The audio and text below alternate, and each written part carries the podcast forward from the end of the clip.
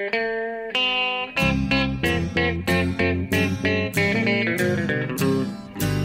out there, we're on the air. It's hockey night tonight. Tension grows, the whistle blows, and the puck goes down the ice. The goalie jumps and the players bump, and the fans all go insane. Someone roars, Bobby scores at the good old hockey game. Oh, the good old hockey game is the best game you can name. Hallå, hallå, hallå, hallå, hallå, hallå, hallå, hallå, hallå, hallå där! Yes, hallå och välkomna till NHL-podcastens säsongspremiär, säsongen 2021-2022. Ja. Med Jonathan Bambi Ekeliv, som vi hörde där, i den klassiska hallåramsan från Stockholm. Och mig då, Per Bjurman i New York City. Ja, Eh, och nu, ja, Jonte, nu är det dags igen, nu kör vi. exakt. Nu kör vi. Nu är det säsongspremiär. Vi spelade in ett avsnitt för bara ja, två veckor sedan ungefär drygt. Men, eh, eller tre veckor sedan kanske det är nu till och med. Men, men det var ju bara någon så här liten eh, off-season grej. Nu, nu är det på riktigt. Nu kommer vi spela in ett avsnitt i veckan fram till att säsongen är över. Eh, någon gång i sommaren 2022. Ja, ja eh, det är liksom dags nu. Det är bara några veckor tills de brakar igång. De är redan i full fart med, med rookie-camper och rookie-matcher eh, här borta. Snart börjar, i slutet av den här veckan så är alla igång med sina reguljära träningscamper också. Eh, och sen börjar ju träningsmatcherna rätt så, så fort. Så vi, är, vi kastas rakt in i det här och det är ju första riktiga säsongen ta i trä sedan 2018-2019. Vi ska ha 82 omgångar och vi ska ha Winter Classic och vi ska ha All-Star och vi ska ha allting. Vi ska till och med ha ett OS-uppehåll och få se Ja. liksom, eh, landslagen i sina bästa versioner för första gången sedan 2014, hoppas vi. Men det är sagt, det är det senaste budet. Ja, det verkar som att det blir så. Eh, och eh, ja, saker och ting återgår ju hela tiden till det Just nu när vi spelar in det här, så bara för en timme sedan så kom ju beskedet att USA äntligen, efter 18 månader av elände, lyfter reserestriktionerna eh, mot EU, inklusive Sverige då, och resten av världen. Så att från början av november får fullt vaccinerade resa hit igen. Oj. Även sådana som du. Ja, men du ser, det kanske kan bli en så ordinarie säsong att man till och med sitter eh, och tar en jingling i Tiki-baren, vet du. Eller åker Ja. på roadtrip med Per Bjurman i, runt om i staterna. Ja, det får vi ta efter OS där. Ja. Eh, och eh, med lite tur så får vi igång eh, våra resor också eh, med, med Watch It Live. De Just ligger det. i startgroparna. Ja, du ser, precis. Så att det här är, ja, det är en fantastisk säsong att se fram emot. Även om jag personligen då, Eh, det här låter cyniskt när det varit pandemi och så vidare, men de två senaste säsongerna som har varit rumphuggna, minst sagt, har jag ändå eh, trivts med med tanke på Tampa Bays framgångar. Tack för ordet. Ja, ja, ja varsågod. Eh, ja, men, eh, ja, och nu när vi startar om då. Det känns ju nästan lite högtidligt. Det är ju en klassiker det här att- inleda säsongerna.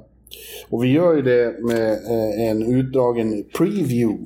Där vi går igenom division för division och tittar på varje lag och hur vi tror de går. Och i detta sammanlagt 341 avsnitt så vi börjar ju alltid med Atlantic, eller det som nu för tiden heter Atlantic. Ja ja, nu är vi tillbaka till de gamla divisionerna igen efter ett experiment förra året. Precis, nu är det riktiga divisioner. Och, ja, det blir en tradition. Vi, vi, vi tittar på var och ett av lagen i bokstavsordning och eh, försöker tippa hur det går i den här divisionen. Precis, precis. Jag har varit inne i det här ett tag. Jag håller på med min stora preview till bloggen också, där jag skriver 700 miljoner tecken. Eh, För första, första eh, posten för säsongen i podcasten. Och eh, ja, eh, så jag har minsann gnuggat nog. Jag är, inte, jag är inte färdig än, men jag har, jag har tänkt och tittat och funderat mycket på, på var, var och ett av de här lagen. Och, Ah. och läst på i, jag har äntligen fått Hockey News Yearbook också, så man bör, man bör redan i, i början av augusti tänka när kommer den, när kommer den, när kommer den. Ja, jag, jag fick en, en bild från dig på sms när den damp ner i brevlådan. Så att, eh, jag är Ja. lite avundsjuk, för jag har inte lyckats få hit den till, till Sverige. Det är ju också rent allmänt kan man ju slå fast att det är ju en väldigt intressant säsong så till att det hände ju så extremt mycket i somras. Eh, Det har ju stuvats om ordentligt på, på, ja, på de flesta håll faktiskt. Ja, så är det. Det är en hel del nytt i trupperna till den här säsongen, det får man verkligen säga. Ja, det är, det, var, det är sällan vi har sett så många liksom, eh, trader och eh, signingar och, och, grejer som har hänt. Liksom. Ja, exakt. Så bara en sån sak. Och ta grepp om nu när vi faktiskt ska prata om varje lag och hur de ser ut och hur chanserna är den här säsongen och vad som har hänt så att säga. Ja. ja. Jag drack lite kaffe innan jag, innan jag säger att det är dags för... Eh, vi kör då helt enkelt. Ja, nu kör vi. Där går gånggången. Ja, och då börjar man ju alltid... Traditionsenligt, de är nästan alltid först när vi går igenom det här. Och det är Boston Bruins då. Ja. En av supermakterna får man säga i över tio år nu. Ja, ja. Eh, de har, det, det har fladdrat några år där när de var lite eh, strecket, men det är ju en fruktad och respekterad motståndare för alla och har varit länge. Precis, exakt. De var i final så sent som 2019 och de har varit i final ett antal gånger under ja. det senaste tiotalet ju. Eh. Ja, de vann för tio år sedan, 2011 där då, eh, mot Vancouver. Så var de tillbaka i final 2013 mot Chicago och mot St. Louis 2019 och förlorade de två finalerna. Men de har en cup under den här eran. Ja. Och, och, man får ju säga att det fortfarande är samma era eftersom eh, ja, precis som hos alla andra så började det, det som var en core då i, i mitten av, runt 10-talet där. Det började liksom försvinna. Men de har kvar några av sina viktigaste spelare, framförallt Bergeron och Marchand som nu också har Pasternak som del av, av coren. Den kedjan är ju en institution. Ja, det är den. Alltså, och den håller ju verkligen i. Jag menar, Marchand, trots att han börjar komma till åren, kommer från sin bästa poängmässiga, ja, snittmässigt sin poängmässigt bästa säsong i karriären faktiskt. Så han är ju inte slut på något sätt. Däremot vill jag säga att det har ju skett någon slags generationsväxling i laget, eh, får man ändå säga, där bakom. För att till den här säsongen, vilket vi kommer in på, eh, så är det en helt ny målvaktssida. Det är ingen Tukarask längre. Eh, det är ingen Zdeno Chara som nyligen här skrev på för New York Islanders då efter att ha varit i Washington Capitals förra året. Det är ingen Tory Krug. Det är faktiskt bara fem forwards kvar. Ordinarie forwards i alla fall, från eh, finalupplagan 2019. Så det är ett... Trots ja, att det, det känns är... som gamla Boston med Bergeron och Marchand och, Pasternak och Charlie McAvoy som har varit där i några år nu i alla fall. Så är det ja, ganska rejäl spelaromsättning måste jag ändå säga för att vara Boston sista åren. Ja, de har lyckats med en generationsväxling eller en, en växling överhuvudtaget mitt i steget så att säga. De har inte ja. gjort någon rebuild. Nej. Utan det har skett eh, eh successivt eh, och sam samtidigt som de behåller sin slagkraft. Det, intressanta, det intressantaste i år tycker jag är då att det kändes som de hade säkrade eh, det vi har pratat om i så många år om, om deras secondary scoring.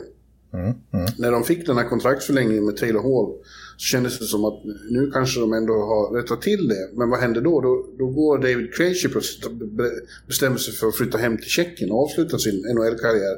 Så nu har de ingen given andra center. Nej, de har faktiskt inte det. Eh, och det ställde ju till det lite att Krejci gick ut med det här först två dagar efter att Free Agency-fönstret öppnade. Ja. Så att, eh, liksom så som Don Sweeney, general manager, agerade där första dagarna kändes som att han utgick från att eh, Krejci skulle bli kvar. För de har inte tagit in någon naturlig klockren ersättare där på andra centerpositioner. Det är klart att det är svårt att ersätta Krejci bara sådär. En klubbikon och väldigt duktig center, kom från en bra säsong med över 40 poäng dessutom. Men eh, ja, nu är det typ, ska Charlie Coyle eh, flyttas upp till andra Coyle center? Eller Haula ska Haula, Nick Folino in som center, Nosek. Ja. ja det blir en sån här, eh, by committee har de sagt, att de kommer att, att, alternera där. Och det är inte helt idealt. Det är ju så att eh, i och med det här, jag, jag tror i och för sig att, att, att eh, Taylor Hall kommer att vara en tillgång. Absolut. Mm. Men eh, precis som det har varit i, i väldigt många år nu så kommer det offensivt kommer ett enormt ansvar att vila på de där tre eh, stjärnorna i första kedjan. Ja, jag, jag håller med där. Så det känns lite på något sätt ändå som plus minus noll. Trots ja. att man liksom lyckades få Taylor Hall att förlänga på ett, vad jag tycker, väldigt prisvärt kontrakt. För visst, han hade ju en, hans liksom marknadsvärde har ju gått ner efter den där Hart Trophy-säsongen 2018. Men vid den här tidpunkten förra året när han var free agent också, innan han skrev på överraskande nog för Buffalo, det här ettårskontraktet. Då kändes det som att han var ute efter ett så här långtidskontrakt på 8-9 kanske 10 miljoner dollar per säsong, i alla fall egoistiskt sett. Ja. Eh, men nu slutade det med ett, eh, ja, det blev ju bara två mål i ett total haverisäsong där i Buffalo. Men sen när han kom till Boston så gjorde han faktiskt åtta mål på 16 matcher. Boston hade näst bäst poängfacit av alla lag efter trade deadline innan slutspelet. verkligen ett lyft med Taylor Hall. Och han väljer att förlänga, för han vill verkligen stanna i Boston. Han trivdes uppenbarligen bra. Eh, för bara, vill jag säga inom citationstecken, 6 miljoner dollar per säsong i fyra år. Det är ju ett väldigt eh, trevligt kontrakt för Boston. Ja, eh, men det är ju en tradition där att de lyckas eh, hålla lönekostnaderna eh, rimliga. Exakt, det är ju ingen... Alltså Krejci hade ju högst lön i laget faktiskt eh, på 7 miljoner dollar per säsong ihop med Tukarask. Mm. Eh, nu, är, nu är väl Bergeron eller Martian bäst betalda. Ingen som tjänar över 7 miljoner i alla fall. Ja. Men eh, samtidigt som, som det inte finns, som Krejci då saknas som given undercenter, så det är ändå en, en bra bredd tycker jag det känns som på forwardsidan. Med Nick Folino, det är ingen dålig spelare att få in eh, i en tredje eller andra sidan. Ja, verkligen. Toronto offrade första runda val för att få honom i, i somras. Eller ja, inför slutspelet då i våras, rättare sagt. Ja. Eh, Haula, Norsek, ja, ja, det är väl också bra komplement. Mm. Men sen har vi faktiskt inte nämnt då att eh, de har spenderat rejält på målvaktssidan också. Nu kan det ju bli så att Tukaras kommer tillbaks i vinter. Han har ju själv sagt det att han hoppas återvända runt eh, eh årsskiftet. I februari någon gång? Ja, ja efter jag... 2022 i alla fall. Ja, senast jag hörde var att han hade lite förhoppningar om till och med framåt jul. Ja. Eh. Men det, eh, han kommer inte att spela under hösten i alla fall och han har inte skrivit kontrakten. Nej, precis, exakt. Och eh, ja, visst är det anmärkningsvärt då att Boston väljer att spendera 5 miljoner dollar per säsong eh, i capita för Linus Ullmark. Ja, det, det, är Ullmark och Jerry Swayman som, som, Jeremy Swayman som ju eh, gjorde ett bra intryck när han eh, dök upp förra, förra vintern. Mm. Och det är väl lite tänkt att de ska alternera eh, de två. Ja. Eh, men som du säger, när man satsar så mycket pengar på Linus så, så är väl han kanske den som är närmast att vara första målvakt.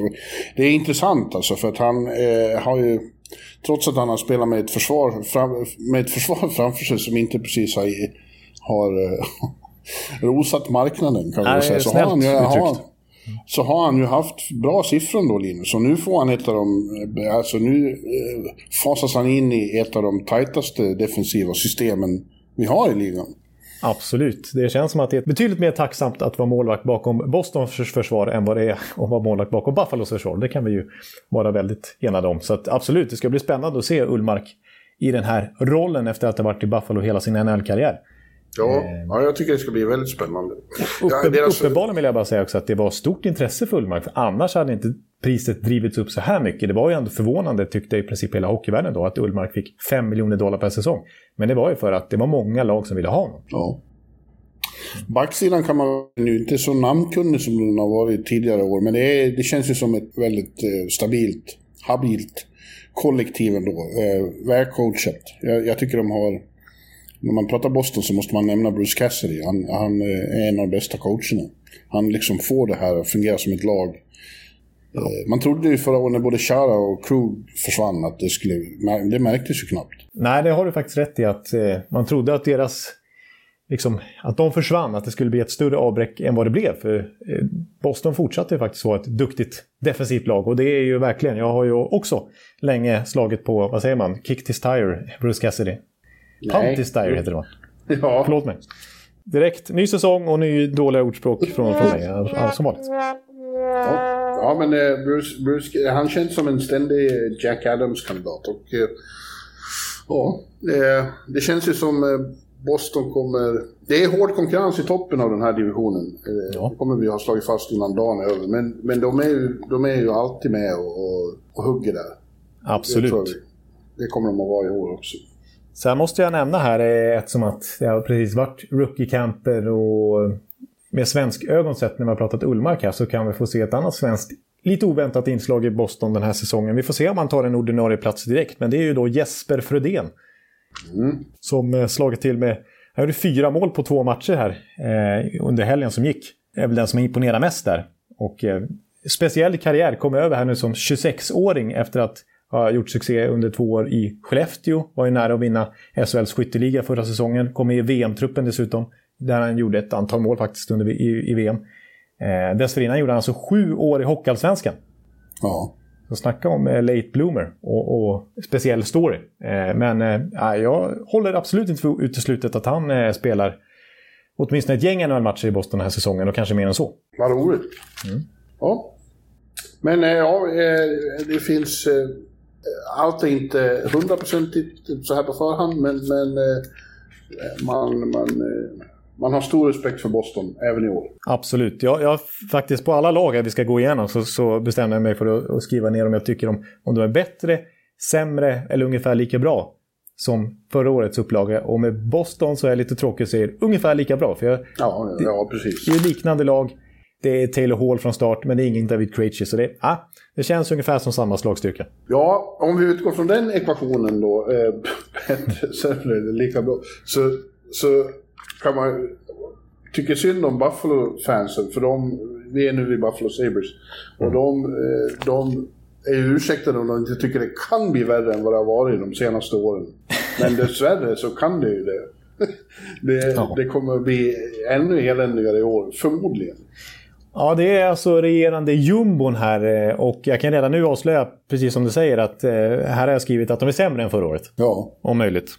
Eh, ja. Och det, det sjuka är ju att vi sitter här i, i mitten av nästan slutet av september och måste fortfarande prata om den här Jack Eichel-situationen som jag tycker att vi har ägnat otaliga poddavsnitt åt. Ja, nu såg jag att han skulle, han skulle inställa sig för, för ny läkarundersökning i början av, när campen börjar. Ja. Men eh, ingenting tyder på att, på att han eh, kommer att spela mer med Saber. Men det är, det är inte bara han. Alltså, de har ju tappat också den som var eh, deras bästa målskytt i fjol. Sam, Sam Reinhardt borta. Deras mm. två mest rutinerade backar i Ristolainen och McCabe är borta. Och deras mm. första målvakt är borta. Och de har inte ersatt någon av dem egentligen. Nej, de har ju verkligen inte varit ute på marknaden och försökt fiska ersättare utan nej, det är ju... Jag menar deras målvaktssida nu. Det är alltså Craig Anderson som kanske blir första keeper. 40 bast. Mm. Eh, som alltså, ja, kort innan Free fönstret öppnades så kom det uppgifter om att han skulle lägga av. Ja. Eh, men eh, istället så, så skrev han på ett minimumkontrakt i Buffalo. Man undrar motivationen till det. Men han vill uppenbarligen inte lägga av, av i alla fall. Och var det något lag som kunde ge ett jobb så var det tydligen Buffalo. Ja, det är väl inget svårt att förstå. Skulle du tacka nej till sådana pengar? Nej, det är, det är visserligen pengarna då. Men när man har spelat så mycket i NHL och sen så vill jag ställa sig i det där, bakom det där Buffalo-försvaret en säsong som denna. Ja, nej. Det här är ju en rebuild igen. Liksom, från från eh, riktigt dåligt utgångsläge så blir det en till rebuild och, och, en förhoppning om att vi ska kunna bygga något nytt kring alla unga då. Eh, Rasmus Dahlin till exempel och eh, första valet från i år som inte kommer att spela den här säsongen. Vad hette han? Owen Power ja, precis. Han valde ja. att spela ett år till i college. Ja, men eh, och, och eh, om det finns något litet positivt i det här så är det ju eh, de har bytt coach och att, att Don Granato får, han får eh, fortsätta som ordinarie coach. Och han Precis. gjorde ett bra intryck när han kom in. Han, han gav ju slutet på fjolårssäsongen lite värdighet i alla fall och, och, och fick eh, eh såg till att de här unga spelarna fick spela ut lite mer och, och skaffa sig självförtroende. Framförallt Rasmus kanske. Ja, precis. Jag pratade lite med Rasmus faktiskt i den här när det var den här OS-pressträffen i augusti när alla Tre Kronor-stjärnor var samlade i Stockholm. Och då frågade jag lite om Don Granato och han hade väldigt positiva ord att säga om honom. Och själv tyckte han att, att eh, det kändes lite som när han var i Sverige faktiskt. Att han, att han, att han inte var samma tygla på Rasmus Dahlin utan att ja, släppa sig iväg i offensiven och liksom hitta lite glädjen i hockeyn igen. För han kände att han ja. förlorade den under Ralph Kruger. Ja, eh, och, ja men det såg man ju nästan. Ja. Och, det är väl det som är positivt att, att, att eh, de här unga killarna får eh, en bra miljö så tillvida och, och, och utvecklas i. Men eh, det kommer ju bli väldigt mycket förlora och förlora igen. Ja, det är väl väldigt stor risk för det. Eh, apropå Dalin så måste jag bara säga där att han har ju faktiskt inget kontrakt än. Så han är, när vi pratar just nu så kommer inte han inställa sig på campen, för det gör man inte om man inte har något kontrakt. Han är ju restricted free agent, men eh, som sagt har inget kontrakt. Det tror jag kommer att ordna sig. Det, det, kommer nog ordna sig. Jag undrar om inte han sitter i ganska bra förhandlingsläge nu, för faktum är ju så här att Buffalo ligger ju och dinglar där kring lönegolvet. Och, ja, eh, de är faktiskt under lönegolvet just nu. Eh, utan att Rasmus Dahlin har skrivit på en. Och skulle de dessutom trada Jack Eichel, om vi säger att de gör det, då är det ju 10 miljoner dollar som försvinner där. Så då måste de ju få ganska mycket dollar tillbaka eh, för att ens komma upp över lönegolvet. Så säger vi att de tradar Eichel och inte riktigt får tillräckligt med, med pengar tillbaka, då måste de ju ge Dalin ett jättekontrakt för att ens komma över lönegolvet. Eh, så pass ligger det, det till. Det spekuleras ju vad gäller Eichel, spekuleras också i att någon kommer till slut att betala rätt mycket då. Men framförallt i form av prospects, men också förmodligen någon, någon eh, tyngre spelare som Buffalo kanske inte är så intresserade av att behålla på sikt. Men kan trada framåt trade deadline till slutspelslag. Eh, låt säga att en, en sån som, eh, vad heter han i, i uh, Vegas? Riley Smith. Riley Smith, ja. Mm. Uh, till exempel. Skulle komma till. Och det, det, är inget de vill bygga på. Men då kan man trada vidare honom. Förstår du vad jag... Ja, jag förstår vad du menar. Plus att han har en ganska hög lön och kan lösa den här lönegolvproblematiken. För skulle de hamna under lönegolvet Buffalo, ja, då straffas de ju. De kan, de kan bli av med draftval, de kan få höga böter. Det kan till och med bli så att NHL sparkar Kevin Adams som general manager. Ja. Så att, eh, det vill man inte råka ut för. Nej, ja, eh, det är mycket som ska lösas där, men jag tror att vi kan slå fast att de kommer komma sist i divisionen. Du, eh, det är jag helt säker på faktiskt. Det är de inställda på själva också. Jag tror det. Eh, fram till nu så har de ju, de och Detroit och Ottawa har ju haft en egen liten eh, battle of the eh, jumboplats ja. i den här divisionen. Detroit Red Wings är ju däremot på väg åt rätt håll. Eh, om vi ska säga, utgå från din mall där då, så, så tror jag att det blir lite bättre i Detroit. Fortfarande inte tillräckligt för att de ska kunna utmana om slutspelsplats, men det rör sig i rätt riktning där. Steve mm. Eismans plan är ju extremt långsiktig här. Precis, exakt. För det går, det går långsamt framåt, men det går i alla fall åt rätt håll. Det, det håller jag med dig om. Och det verkar verkligen Detroit-fansen tycka också. Jag såg att The Athletic hade en, en så här fansenkät. Eh, där en av frågorna var bland annat hur stort förtroende har du för The Icer Plan? Som nu kallas just, Steve Eismans liksom plan för det här bygget. Mm. Eh, och 50% hade 10 av 10 i förtroende. Och bara 3% hade under 7 av 10 för Steve Eisman. Så ja. att, enormt förtroende för honom, trots att resultaten ju är långt ifrån några gamla Red Wings-resultat som fansen är vana vid sedan tidigare i alla fall. Ja, Nej, men det är ju så. Det, det är ju först om eh, några, ja, det är ju tre, fyra år som han tänker att de ska vara riktigt slagkraftiga igen, konkurrenskraftiga. Mm. Eh, när många av de här fina draftvalen de har gjort börjar fasas in i laget. Det kommer väl att ske lite grann redan i år, kommer vi väl att få se eh, Lucas Raymond. Han har ju varit väldigt bra här i rookie-matcherna. Han har också imponerat här, eh, absolut, under rookie-campen. Och eh, Moritz Seider lär ju gå rakt in mm. i laget också efter att ha dominerat så pass som han gjorde i Rögle förra säsongen. Eh, mm. Så att absolut, och Jonathan Berggren, apropå svenskar, kommer över också. Ja. Så att absolut, det, det fasas in successivt mer och mer talang i det här bygget och jag tycker att eh, han gjort ganska smarta värvningar i år. Eh, kanske extra, ja, kanske sin, sin bästa sommar faktiskt, eh, sen han tog över i Detroit igen, Steve Eisenman. Ja, han har ju förstärkt. Eh, liksom Nick Leddy är en bra förstärkning på backsidan.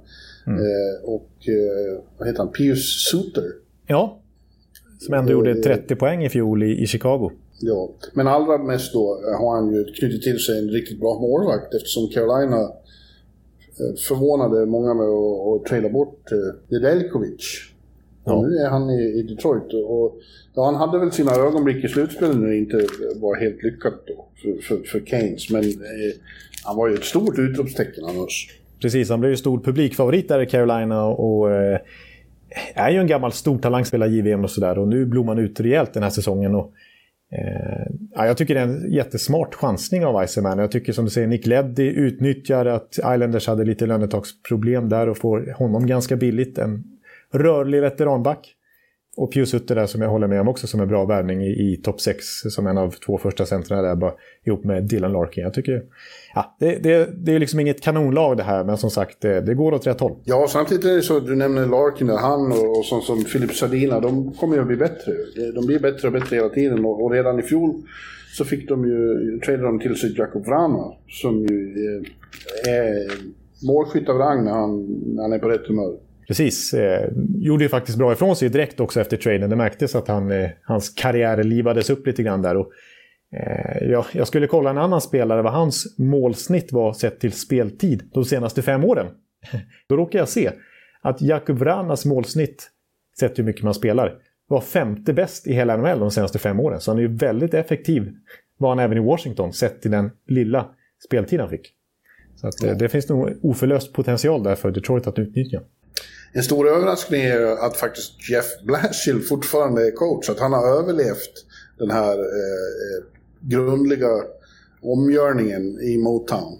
Mm. Man har ju hela tiden trott att, att Iceman har eh, letat efter en annan coach. Men på något vis så är en survivor, Blashill. Precis, man trodde att det var Ken Hollands gubbe, men även Steve Eisenman väljer ju nu alltså att förlänga med honom. Ja, ja det är jag för, överraskad över. Men ja, han vet väl vad han gör. Han, han, den är mini-Babcock, som låter som Babcock. Han, ja, han var ju, var ju verkligen eh, Babcocks lillebror ungefär, liksom, ja. på många sätt. Ja, men inte på de sämsta sätten. Nej, det får vi onekligen understryka i alla fall. Eh, men eh, jag kan säga dock att i den här... Det är sjunde fan... säsongen för honom. Ja, du ser. Han är en av de som varit längst. Ja. Nu, mera. Men jag skulle hänvisa till den här fansenkäten igen där alltså Eisenman fick så enormt stöd. Jag kan säga att Blashill fick ju inte 50% 10 av 10 i alla fall. Nej. Nej, men eh, tills vidare är han där. Ja. Jag skulle ju tro att när det är dags att skörda frukterna så kommer det att vara ett, ett mer potent namn där i blåset. Men eh, det återstår att se. Ja. Nej, men jag som jag kanske sa redan i början här då, så i alla fall i bättre, sämre eller lika bra som i fjol så har jag skrivit bättre här i alla fall. Lite bättre. Lite bättre. Men i alla fall, jag skulle ändå säga att de är, de är bättre. Ja. Mm. Florida Panthers, de blev redan i fjol otroligt mycket bättre än vad de hade varit innan. Eh, de hade ju ett eh, långt, långt, långt decennielångt slumrande på fel sida strecket. Ja. Eh, trots att det fanns, har funnits mycket talang och, och kunskap i laget länge. Eh, men det var när eh, sensationella rookie general managern Bill Cedar tog över som, som eh, allt föll på plats i, i, ute där i träsken eh, väster om Fort Lauderdale. Och de fick en helt annan inställning, en helt annan mentalitet och som vi har varit inne på många, många gånger så var det ju vår vän Bengan Hörnqvist som eh, tillskrivs mycket av, av den nya liksom, inställningen där i Florida. För det, plötsligt så var det liksom fokus och struktur bland alla de här talangerna. Precis, exakt. Det blev, ja, jag håller verkligen med där om att man, man märkte eh, hela dynamiken i gruppen, att, att eh, det blev en annan vinnarmentalitet. Och det accepterades ja. inte att åka runt på en skridsko och så vidare. Jag kommer ihåg jag läste någon gång Scott Gomez när han var en vända i den gamla storstjärnan, när han var i, i Florida för ett gäng år sedan. Eh, så sa han att ah, det var så tråkigt att spela där. Visst, det var fint och, och liksom soligt och, och, så vidare, men det var så tråkig miljö rent hockeymässigt att han funderade på att lägga av. Ja. Mitt i säsongen. Så är det inte nu när man spelar Florida Panthers. Nej, det, det är verkligen inte det. Eh, de, de var ju... Det var en breakthrough-säsong av, av rungande sort där nere och, och jag tycker tidvis att de eh, Ja, de, de tillhörde elitskiktet verkligen. Dels var de väldigt underhållande att titta på, men ja. de var ju bra också. Och vi, det tror jag vi har nämnt tidigare, att de var nog de som gav eh, Tampa tuffast motståndare i början av slutspelet. Ja, Islanders förstås ja, också. Islanders gick ju till Game 7 och sådär. Men, men Florida det var absolut näst svårast skulle jag säga. Jämnast i alla fall spelmässigt. För att grejen var ju att Florida förde ju spelet i majoriteten av matcherna. Sen var de kanske ja. lite naiva och oerfarna i, i, liksom, ja, åt båda, liksom, i, försvarsspelet. Men eh, de var otroligt potenta offensivt och tog ju faktiskt mer poäng än Tampa i grundserien. Så att de, de, de hade ju hemmaplansfördel i den serien. Ja, och eh, Ja, jag tror att det blir likadant i år. Jag tror, jag tror inte att eh, någonting förändras. De kommer att vara eh, lika fokuserade och ännu hungrigare nu för att ta fler steg. Och de har haft en okej, okay, så jag tycker det är tråkigt att sådana som Wennberg och Strålman och Wallmark har försvunnit. Det har varit lite åderlåtning på svenska där. Ja. Eh, och så tappar de ju eh, Chris Dreger då till, till i, i expansionsdraften. Mm. Men eh, eh det, jag, jag, vi nämnde ju Sam Reinhardt eh, i Buffalo.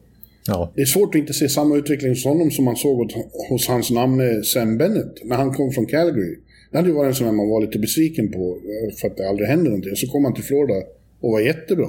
Precis, en sån här slumrande supertalang som man tänkte det blir aldrig någonting av honom, Sam Bennett då. Och Sam Reinhardt har ju haft lite samma stämpel på sig efter, efter att han faktiskt valdes före Leon Draisaitl i den draften och inte alls haft en lika fin NHL-karriär sedan dess. Men absolut, jag tror Sam Reinhardt kommer, vara en, kommer smälta in perfekt Och Ja. allt Bill Zito tar i blir ju nästan till guld numera. Så att Ja, han känns ju handplockad av en anledning. Ja. Dridger är ju en tung målvakt att tappa, men de, de har ju väldigt för, väl förspänt på den punkten också. Eh, Bobrovski är kvar, men framförallt så har de ju Spencer Knight, den unge stjärnan, som ju såg enastående ut han debuterade under slutspelet. Ja, exakt. Han fick ju spela fyra eh, grundseriematcher på slutet av säsongen och vann alla fyra faktiskt. Och sen så var det ju Bobrovski och Dridger som ja, tampades där i början av slutspelet och gjorde, ingen av dem gjorde ju speciellt bra ifrån sig. Och, och till slut kastade man då in Spencer Knight och han, han var ju väldigt bra. Ja. Eh, och fick förtroendet i de två sista matcherna. Eh, Så att eh, nu är det ju snacket att, att Spencer Knight kommer vara uttalad förstemålvakt före Sergej Bobrovski, NHLs näst dyraste målvakt, när säsongen Ja. drar igång. igen. 20 bast. Ja. Men sen är det ju så att de, eh, det, det viktigaste av allt som händer är att Aaron Ekblad kommer tillbaka. Han missar ju hela slutet. Han vred ju sönder knä. Det var en fruktansvärd sekvens när det gick åt helvete med hans Ja. knä. Ja. Men de, att de klarade sig så bra även utan honom var det, det, det var det verkligt imponerande. Att en sån som Gustaf Forsling plötsligt blev en, eh, eh, liksom, en back för första backpar i ett, i ett riktigt bra lag. Precis, från wavad av Carolina till att Bill Cito då förstås plockar upp honom och, och han blir liksom en, en back för första paret i Florida. Och Ja. gör det väldigt bra. Det är ju ja, det är otroligt vilken miljö som har skapats där när så många spelare lyckas. Ja, men, eh, men nu kommer eh, Panthers egen Victor Hedman tillbaks i form av Ekblad. Och han Ja. är ju... Ja, vi har kallat honom en poor man's Victor Hedman förut. Eh, men det är ju en, en superstar. Och, och, och, och som också, det såg man ju, han fick liksom nytt liv när, Florida tände till på det här sättet. Ja, han gjorde en kanonsäsong fram till skadan Aaron Ekblad och började leva upp faktiskt till att han gick som etta totalt i draften 2014.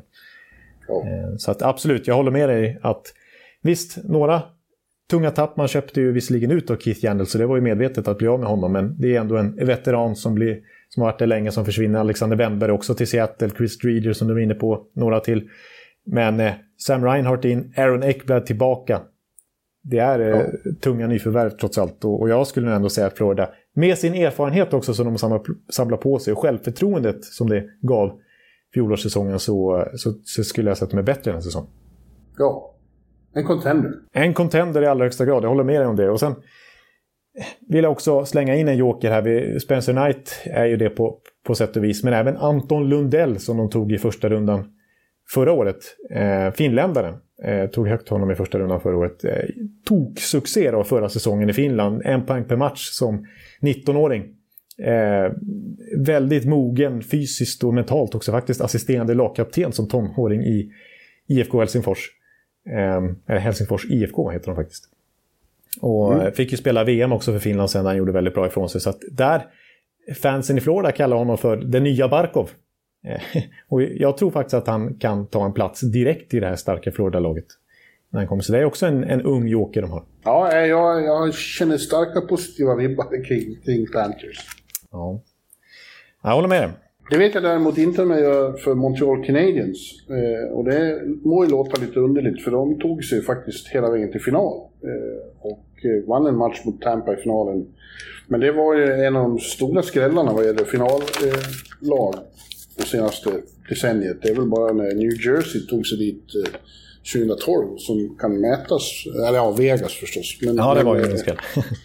Eh, Men Montreal, eh, de kom ju in som sista lag i slutspelet eh, och, och, ja, och tog sig hela vägen till final. Eh, På en underlig, det var en underlig resa dit. Men den kommer de inte upprepa, säger jag härmed.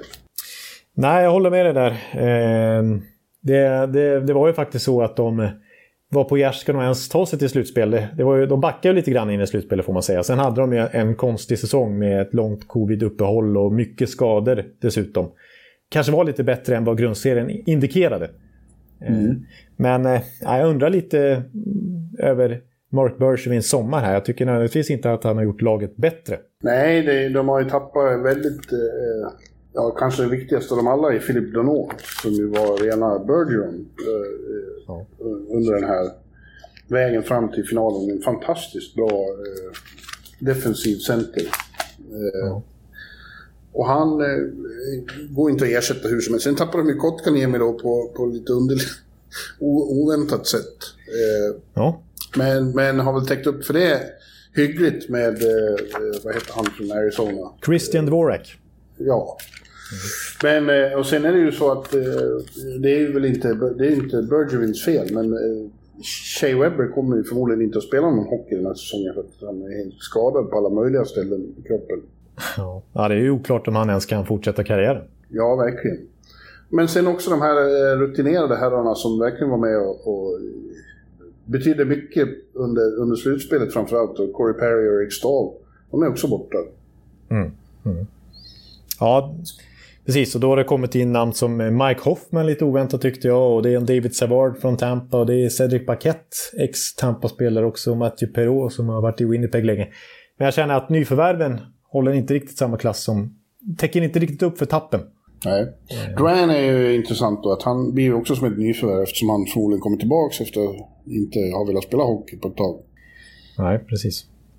Och sen blir det ju, det, det, finns ju, det finns ju positiva inslag här också. Cole Caulfield var ju en riktig bomb i, i slutspelet och tillsammans med Nick Suzuki så de kommer att ha en kommer att ha bra förspänt också. Men inte tillräckligt. Nej, precis. Det är exakt. För Montreal-fansens skull så kan de ju glädja sig åt, åt just Suzuki och Caulfield som känns otroligt spännande på sikt och lär ta ytterligare kliv kommande säsong och kommer få ännu större förtroende tror jag. Speciellt Suzuki när, när, när Dano är borta är liksom given första center nu. Eh, och även Caulfield då som får en hel, hel säsong och inte bara komma in här på våren. Eh, och sen Romanov på backen, ryssen som ju också ser mm. spännande ut och börjar etablera sig på riktigt. Eh, så det, visst, det är liksom en liten ny våg av, av eh, Montreal-spelare som börjar forma kärnan här nu. Eh, men ja, jag, tycker, jag tycker det är lite spretigt lagbygge faktiskt. Jag, jag förstår inte riktigt. Mike Hoffman, liksom, det, det är ju en bra spelare. Otrolig målskytt, fantastiskt skott. Men hans favoritposition i PP är till exempel samma favoritposition som Nick Suzuki har. Mm. Så liksom, och det är där han har sin verkliga styrka, Hoffman. Så jag förstår inte riktigt hur, de har ju Cole Caulfield, Gold Caulfield, som, som ska vara den som ska få Suzukis passningar i PP, tänker jag i alla fall. Så att, äh, jag, jag förstår inte riktigt hur, hur Bergevin har tänkt när han har fördelat det här löneutrymmet som fanns. Eh. Sen står ju Carey Price kvar i kassen. Det ju, vet ju vad det innebär. Eh, han kan skära matcher åt dem, eh, vilket han gjorde med viss frekvens i, i ja, playoff. det får man säga. Och det, han har ju några säsonger kvar i sig, känns det som. Ja, precis. För att det, det var ju väldigt mycket skaderykten kring honom också där. Runt expansionsdraften och att han till och med gjordes tillgänglig. Men det kanske bara var en liten minibluff där av Bergevin att, att spä på de här ryktena för att avskräcka Seattle från att ta honom. Eh, ja. För då var det snack om att han, måste, han kommer vara borta stor del av säsongen som kommer här nu och måste opereras rejält. Men, men han är ju redo här när, när säsongen börjar, Care Price. Ja, det var ju för att skrämma Seattle de sa så. Precis. Ja. Du, nu ska jag gå och hämta kaffe. Ja, då... Så, så, prata lite mer om Montreal.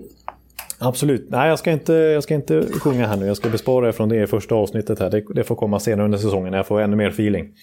Men eh, ja, vi pratar mycket i det här off-season avsnittet om kuppen från Carolina. Hämnden då, när de skickade sitt offer till Jesper Kotkaniemi. Jo. Och det gick alltså igenom. Första gången på 14 år vi har sett ett offerskin faktiskt inte matchas då. Så att Kotkaniemi faktiskt hamnar då i Carolina. Eh, senaste gången var Dustin Penner för 14 år sedan. Från Anaheim till Edmonton. Hallå där! Hallå, hallå! Hallå, hallå, hallå, hallå! Hallå, hallå, hallå! hallå. ja. Nej, jag pratade lite om offersheetet där bara. Att, att eh, helt enkelt gick igenom första gången på 14 år. Ja. Eh, vi såg Men det hända. var ju ganska givet. De, det, ja det var ju rätt. Han är inte värd de pengarna, Kotkaniemi. Så det var ju...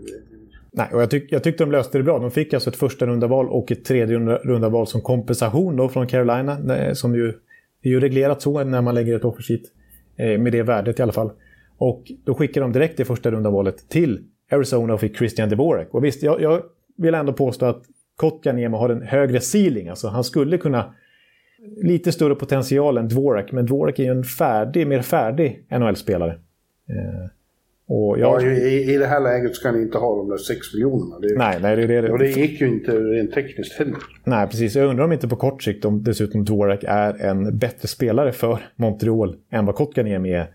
Speciellt när Dano är försvunnit och, och Dvorak har sina defensiva egenskaper dessutom.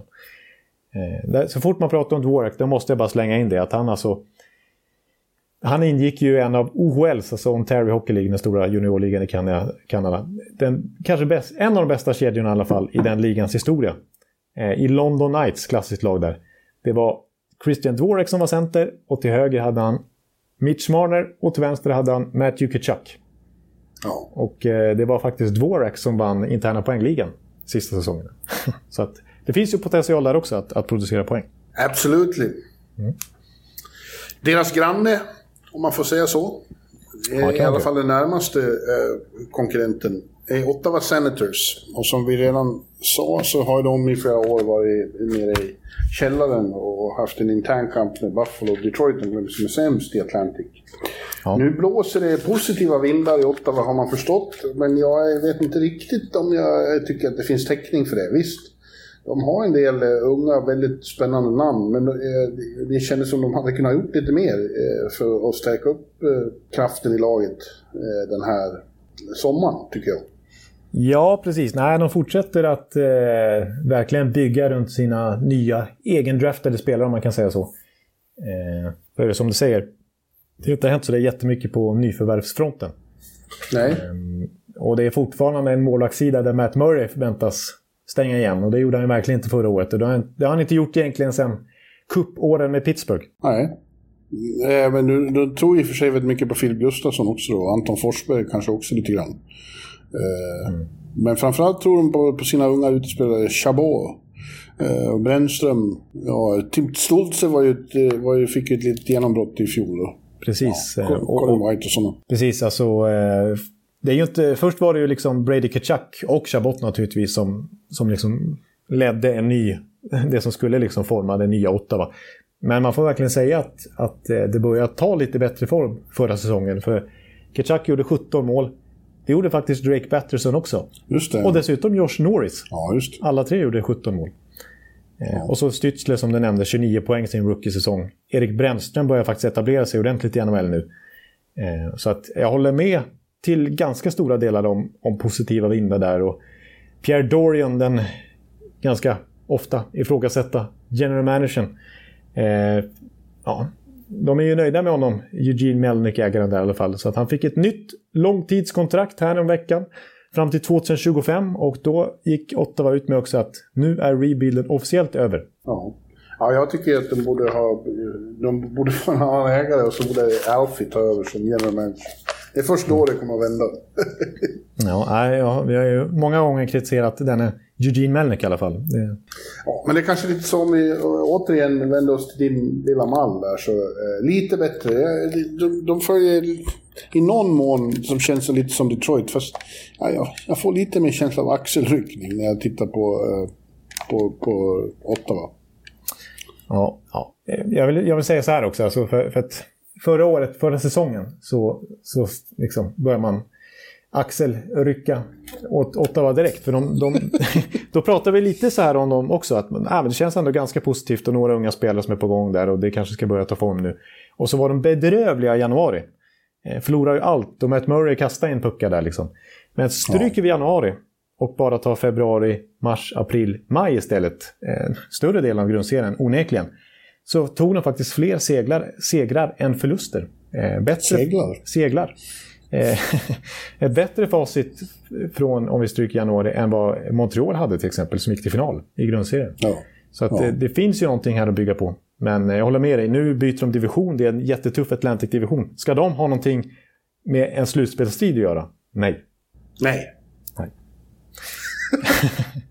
Men jag har ändå skrivit bättre, sämre eller lika bra som i fjol. Ah, lite bättre. Mm. Eh, Tampa Bay Lightning kommer vi till nu. De, de ja, just det.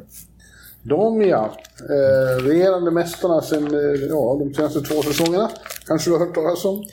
Ja. Eh, de går ju såklart för en trippel och ingen har tagit en trippel sen New York Islanders vann fyra i rad i 80-talet. 1980-talets gryning, det är länge sedan det. Ja. Det är inte lika... Chansen är inte lika stor som att de skulle ta en dubbel skulle jag säga, men den finns. Eh, det är fortfarande ett högklassigt lag. som förstås har, har eh, brandskattats lite nu. Framförallt har de ju tappat hela den där omsusade tredje kedjan.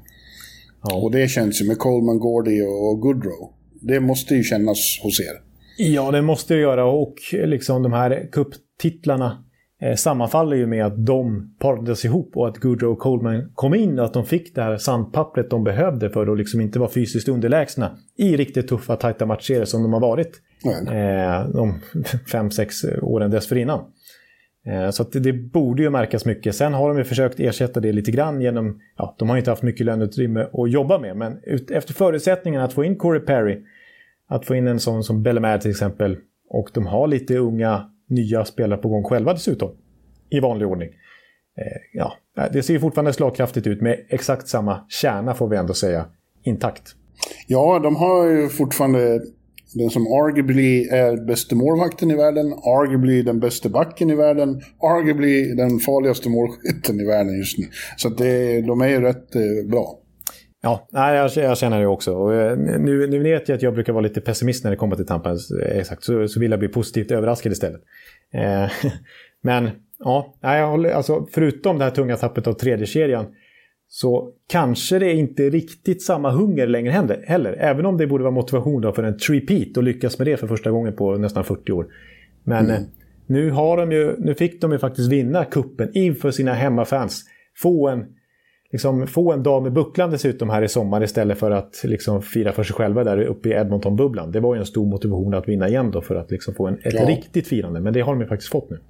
Eh. Ja, det, dämpas den där hungern alldeles lite så ger det utslag direkt. Och det är dessutom så att alla andra vill slå dem nu. De är ju hatade av alla andra. Vi går och vinner två år i rad.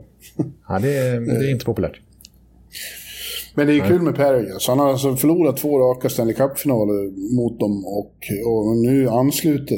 Har vi någonsin sett ett tydligare exempel på eh, eh, det här begreppet If you can't beat them, join them. Så, så är det nu. Nej, De kanske vill vinna för Corey efter att ha varit så taskiga mot honom två år Exakt, han är, han är välkommen. Han har varit en pest att möta i båda finalserierna men ändå fått ge sig till slut. Så eh, nu får han vara med oss istället. Och de har, eh, jag skulle vilja säga att de har, eh, på en punkt så är det lite bättre än i fjol och det är att de har bättre backup Morris i Brian Elliott. Just det, Brian Elliott som har kommit in ja, istället för Curtis McElhaney som han inte ville spela i princip i fjol för att han, han, han var inte bra. Nej, det var han verkligen inte. Nej. Alltså, Nej. Mm. Men eh, det finns en chans. Men vad, vad, vad ställer du dem i din eh, mall där? Eh, ja, nej men jag har dem ändå... Ja, nej, men det är tufft alltså. Du vill, inte, du vill inte använda dem? Lite sämre? Måste man väl erkänna på pappret? Ja, nej men absolut. Jag, jag, ja, nu börjar jag titta på, jag har tippat divisionen här. Men eh, ja, bättre, sämre eller lika bra som i fjol? Nej, det är klart de är sämre. Ja. Så är det ja. Eh, jag vill lägga till också att de ju faktiskt eh, vann en dragkamp, får man nästan säga ändå, om Simon Ryfors. Nu tror jag inte han kommer gå in och bli någon avgörande faktor för att Tampa ska göra en trepeat. Men vi pratar ändå om SHLs regerande skyttekung som var free agent och hade flera NHL-bud efter sig. Och Victor Hedman var ju med i övertalningskampanjen och ringde upp honom och sa kom till Tampa, här är det fint väder, här spelar vi bra hockey, här vinner vi i kupper. eh, och eh, Ja, han är, det är lite kul att, att Julien Brisbois, general manager, han skulle förklara varför det var så viktigt att vinna den här dragkampen om Simon Ryfors så sa han att han, han personifierar a Bolt, vad en Tampa Bay Lightning-spelare är. Ja. De vill ha spelsinne, de vill ha offensiv flär, de vill ha skicklighet och så vidare, men de vill också ha det här inre drivet. Det här stenhårda jobbet som, ja, att de, de vägrar ge upp, alltså som har sett med, i Tampa med Janne Gård, med Tyler Johnson odraftad, med André Palat tagen i sjunde rundan till exempel. Simon Ryfors Fjärde, fjärde kedjespelare i Rögle slutar som SHLs skytteliga-vinnare till slut. Det, är liksom, ja, det var det Julien Brisbois ville ha helt enkelt. Och, och, och se det. En NHL-spelare nu i Simon Ryfors. Du, vad, vad gäller eh, varmt och skönt i Tampa. Jag, jag var ju tillbaka här för, för några veckor sedan. Och, och plågade dig med bilder från, från eh, Tickibaren. Eh, Tickibaren och, och miljöerna runt det. Jag var ju på helt annat slags jobb. Jag var, gjorde sjuksköterskor i Florida och sånt där. Ja. Eh, och eh, ja, det är, det är trevligt där i Jonathan. Ja, det, det vet jag säga. om. Även när det inte är hockeysäsong, även om det blir ännu roligare då. Men, men eh, ja, det, Tampa är ett andra hem. Ja, du ser. Det är det för mig också. Oj, oj. Ja. ja, men du, då knyter vi ihop den här första eh, preview-ronden med Toronto Maple Leafs då. Ja. Som ju är och förblir ett eh, aber. eh, de eh, gjorde ju praktfiasko eh, när de väl kom till slutspel i fjol. Eh, det var ju meningen att eh, det som hände inte skulle kunna hända, det hände ändå. Ja, snacka om käftsmäll. Av alla käftsmällar de har åkt på ja. bara senaste åren med den här nya kärnan och det här nya Toronto Maple Leafs som verkligen ser sig själva som en contender så var det här den, den värsta. Alltså att torska mot ärkerivalen Montreal som knappt tar sig till slutspel egentligen. Och tappa 3 Och som man leder med 3-1. Ja, 3-1 överläge. Och så, och så åker man ut i första rundan igen. Och man är alltså det lag som... Ja, det enda lag sedan 2004 som inte har vunnit en enda slutspelsrunda. Nej. Ja. Eh, ändå har det inte hänt så jättemycket med, med laget eh, sen dess. De, den här stjärn, deras tunga stjärnor får en chans till. Men nu är väl det här sista chansen. Om de inte, om de inte lyckas nu heller, då måste det här brytas ihop och göras om på något vis. Ja, i alla fall så lär inte Kyle Dubas sitta säkert längre. Och det är han inne på själv här i flera intervjuer här under sommaren och nu, nu när kamperna börjar sätta igång. Att han säger det att ja, jag fortsätter att tro på det här, på det här gänget. Eh, kåren är intakt. Och misslyckas vi igen, ja då vet jag att då, då, då skiter det sig nog för mig. Mm. Men han, han ja. vägrar att ge upp eh, tron på The Big Four till exempel. Det är fortfarande Marner, Matthews, Tavares och Nylander. Ja. För 40 miljoner dollar. Halva ja, löneutrymmet. Ja, på grund av det så får de ju problem med lönetaget. Då har de tvungna att släppa några spelare som de nog hade velat behålla. Till exempel Zach, Zach Hyman, även om jag tycker att han är lite överskattad sett till vad han erbjuds och får nu. Mm. Så var han ändå... Eh, han fyllde ju sin funktion där. Mm. Eh, Absolut. Och, och, och Fredrik Andersen har de inte behållit heller, utan ta in Mrazek istället. Och där på målvaktssidan måste jag säga att det, det, känns lite vingligt fortfarande. Att de inte har säkrat det. Campbell är ju bra, men han var inget bra i slutspel. Nej, han vek ner sig precis som alla andra till slut. Ja. Eh, släppte in några enkla mål, speciellt i Game 7 där tycker jag. Ja. Eh, och eh, Mrazek har ju en otroligt hög högsta nivå. Snacka om att han kan stänga igen butiken när han är på humör, men han kan ju lika gärna kasta in puckar också. Ja, han är väldigt skadebenägen. Ja, vinglig och, och, och, så. Lite lynnig. Ja. Sen har de fått in några tuffa framåt då med Nick Ritchie och Andrei Kase. Kase? Ja. Min vän Kase. Eh, och det, ja, fast jag vet det, det gör ingen större skillnad. Det känns som det är ungefär samma lagen. Thornton, för vi glömde ju att nämna det med Florida. Just det, han hamnar ju där ja. Mm. Jumbo, Jumbo Joe är där och ger dem extra motivation att vinna. Alla vill ju vinna för Joe. Absolut. Det ville de i Toronto också, men det räckte inte. Nej. Så jag vet inte. Jag, jag, jag håller med Kyle Dubas om att potentialen borde ju finnas här, men nu är det dags att visa det också. Ja, precis. De eh, har ju gett en tryout till min gamla favorit Nikita Gusev som har varit...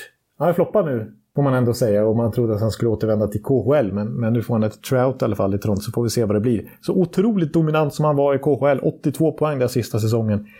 Eh, jättebra i VM också flera, flera gånger om. Jag trodde verkligen att han skulle lyckas. Att det skulle bli nästan lite av en Panarin-story för honom i NHL. Men, men eh, totalflopp och nu får vi se om han kan han lyckas i, i Toronto istället. Men eh, ja, det, det känns ändå som att eh, de har kanske ett lite sämre lag på pappret i år jämfört med det som, som gick in i slutspelet när de dessutom hade förstärkt en hel del efter trade deadline. Eh. Ja, med, med Foligno till exempel. Ja. Ja.